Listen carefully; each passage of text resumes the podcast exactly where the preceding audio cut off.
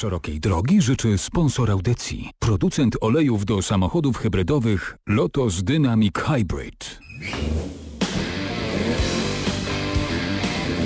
Na trzecim biegu. Magazyn motoryzacyjny w Trójce. Na trzecim biegu Tomasz Gorazdowski. Dziś trochę o wszystkim. Moto wiadomości. Jeżeli będą Państwo chcieli kupić nowy samochód w najbliższym czasie, to może okazać się, że czas jest sprzyjający i to bardzo. Sytuacja firm samochodowych wygląda źle. Jeżeli polscy dealerzy do końca roku nie znajdą klientów na tysiące samochodów, w przyszłym roku nie będą w ogóle mogli ich sprzedać. Te niesprzedawalne auta to efekt zmiany europejskich przepisów.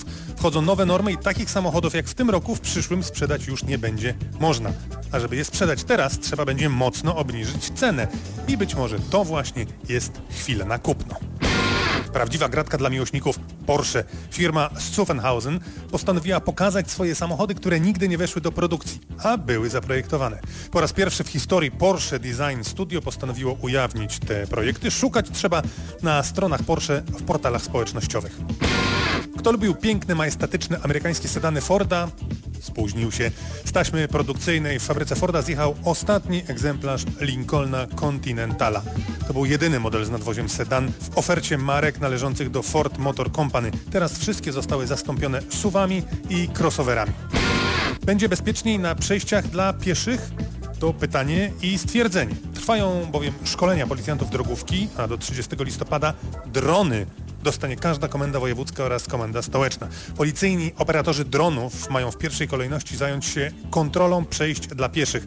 Mają wyłapywać z powietrza ignorowanie świateł, wyprzedzanie na przejściu, nieustąpienie pierwszeństwa i tak dalej, i tak. To pierwszy krok, bo potem drony na pewno zastąpią pochowane w krzakach radiowozy i mandaty będą sypać się z nieba. Bezpieczeństwo. Tydzień temu mówiłem o trwającej akcji związanej z oświetleniem naszego samochodu. Akcja, żeby sprawdzić takie oświetlenie, żeby widzieć i być lepiej widzianym. Dziś o światłach zatem dalej, ale mniej o bezpieczeństwie. Juliusz Szalek pyta i nas, i siebie, kiedy sprawdzaliśmy ostatnie ustawienia swoich światł. Nie pamiętają Państwo? No właśnie, ja chyba też nie. To jest jeden z tych elementów, o którym najczęściej zapominamy.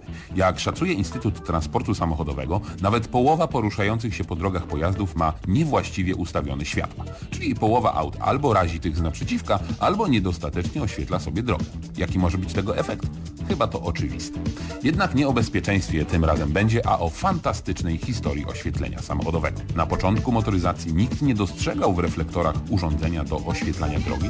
Lampa naftowa, którą wykorzystywano, służyła do sygnalizowania jedynie obecności pojazdu na drodze. To trochę tak jak na morzu. Statek nie oświetla sobie non-stop drogi, bo i po co? Ma tylko punkty świetlne. Po lampie naftowej przyszedł czas na karbid. I to już jest ten moment, w którym snop światła stał się widoczny. A jeśli tak, to oświetlał drogę przed autem. Na jaką odległość? Metr, może dwa. Wyobrażacie sobie, jak czuł się kierowca automobilu z takim oświetleniem? Dodam jedynie, że karbid gasł podczas deszczu i przy mocniejszym wietrze. Rewolucję elektryczną zapoczątkował Cadillac, który w 1913 roku wprowadził pierwszą żarówkę elektryczną o mocy, uwaga, pół wata. Pomysł wykorzystał Henry Ford i przy seryjnej produkcji modelu T montował oświetlenie elektryczne większej mocy. To z kolei powodowało oślepienie kierowców jadących z naprzeciwka. Trzeba więc było odwrotnie, zmniejszyć moc świateł. Z rozwiązaniem przyszedł jednak Philips, który w 1924 roku wypuścił żarówki z dwoma żarnikami, umożliwiające zmianę świateł drogowych na światła mijania. Później w latach 50. pojawiły się światła asymetryczne, czyli takie, które słabiej oświetlały środek jezdni, a mocniej pobocze. I różne pomysły na to, by światło było mocniejsze, a jednocześnie nie raziło. I tak Francuzi wpadli na pomysł żółtych kloszy reflektorów, przy których po zmroku absolutnie nic nie widać. Kto jechał, ten wie. Kolejną rewolucją stała się żarówka halogenowa. W małej bańce zamknięto żarnik w otoczeniu gazu, który łączy się z pierwiastkami z grupy halogenów. Te najpopularniejsze, czyli H4 czy H7, uwaga, cyfra oznacza generację żarówki, stosowane są do dzisiaj. Kolejny przełom to lampa ksenonowa. Kiedyś szczyt luksusu i przedmiot pożądania. Zadebiutowała w 1991 roku w BMW serii 7. Źródłem światła nie jest w nich żarnik, a łuk świetlny, który generuje wytwarzające się pomiędzy elektrodami wyładowania elektryczne. Taka burza w szklanej bańce. Światło faktycznie było jasne, ale koszty produkcji bardzo wysokie. I tak nadeszła era świateł LED. Tanich, ekonomicznych i trwałych, które dają niesamowite możliwości i dają dwa razy więcej światła niż H7. To tak naprawdę technologia podobna do tej z naszych telewizorów. Poszczególne diody świecą, a inne mogą być wygaszane, nie rażąc innych. Jedna lampa potrafi wyciemniać nawet ponad 20 punktów. A wszystko zaczęło się tym razem od Audi R8. Co dalej? Światła laserowa, ale o tym innym razem. Można powiedzieć, że temat dopiero liznęliśmy, a nowoczesne światła to bardzo ciekawe zagadnienie. Coraz częściej opowiadam o samochodach elektrycznych. Ostatnio rozmawialiśmy o tym, jak elektryczny samochodowy świat wokół nas się zmienia. Dziś ciąg dalszy, bo wydaje się, że nie ma odwrotu. Samochody elektryczne dziś pozbawione są przecież wad, które miały jeszcze niedawno. Tomasz Siwiński, redaktor naczelny miesięcznika e, Fleet. Teraz te samochody, które są już obecnie produkowane, w dużej większości odpowiadają tym potrzebom, jakie mają ich klienci. Tylko mam takie wrażenie, że u nas e, w kraju chciano przeskoczyć pewien etap, etap samochodów hybrydowych i od razu przesiąść się na samochody elektryczne. Tymczasem Polacy dopiero przekonują się do samochodów hybrydowych, zakupy firmowe o tym świadczą, bo w naturalny sposób te napędy wypierają silniki diesla. Natomiast jeżeli chodzi o samochody elektryczne, wciąż istnieje strach i wciąż istnieje obawa. Obawa głównie co do ładowania i obawa, o której jakby wielu prywatnych użytkowników nie myśli często, ponieważ rozwój technologii jest tak szybki, że może się okazać, że za dwa lata samochody, które obecnie są na technologicznym topie, stracą swoją wartość rezydualną, czyli tą cenę, za którą mogłyby być po okresie eksploatacji odsprzedane. I to głównie wstrzymuje duże firmy, ponieważ nie są w stanie oszacować, za jaką kwotę samochody, które biorą na przykład na 3 lata, będą w stanie sprzedać. I to jest duży problem. Ale jeżeli biorą to w najem długoterminowy, to kwotę odkupu mają gwarantowaną poprzez umowę mają, ale to ryzyko tylko częściowo bierze na siebie finansujący, bo też, żeby się zabezpieczyć, te raty są stosunkowo wysokie. Nawet jeżeli samochód e, stricte spalinowy i elektryczny kosztują podobnie, bo ceny samochodów elektrycznych zbliżają się powoli do cen samochodów spalinowych, to jeżeli popatrzymy na ratę wynajmu, to rata wynajmu jest zdecydowanie wyższa w przypadku samochodu elektrycznego, właśnie dlatego, że trudno jest oszacować wartość, za jaką będzie można go sprzedać po okresie eksploatacji. A jak się w takim razie plasują pluginy, które, biorąc pod uwagę dystanse, jak, jakie są średnio pokonywane, można w zasadzie w polskich realiach i nie tylko polskich traktować jako samochody praktycznie w 100% elektryczne.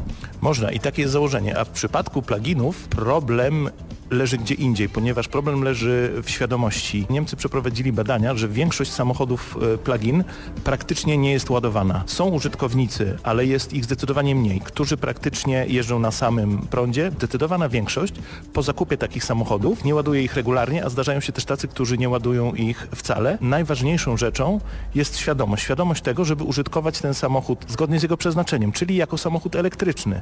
Silnik spalinowy ma być uruchamiany tylko w momencie, jeżeli mamy do pokonania dłuższą trasę, a nie chcemy tracić czasu na naładowanie takiego samochodu. Co nas czeka w najbliższej przyszłości? Jak sądzisz, w którym kierunku to pójdzie i jak się to przełoży na to, co widzimy dookoła siebie? Myślę, że tych samochodów elektrycznych, samochodów niskoemisyjnych będzie więcej, tylko potrzebne byłyby też zachęty do zakupu nawet klasycznych hybryd, żeby klientów, żeby kierowców oswoić z tymi samochodami.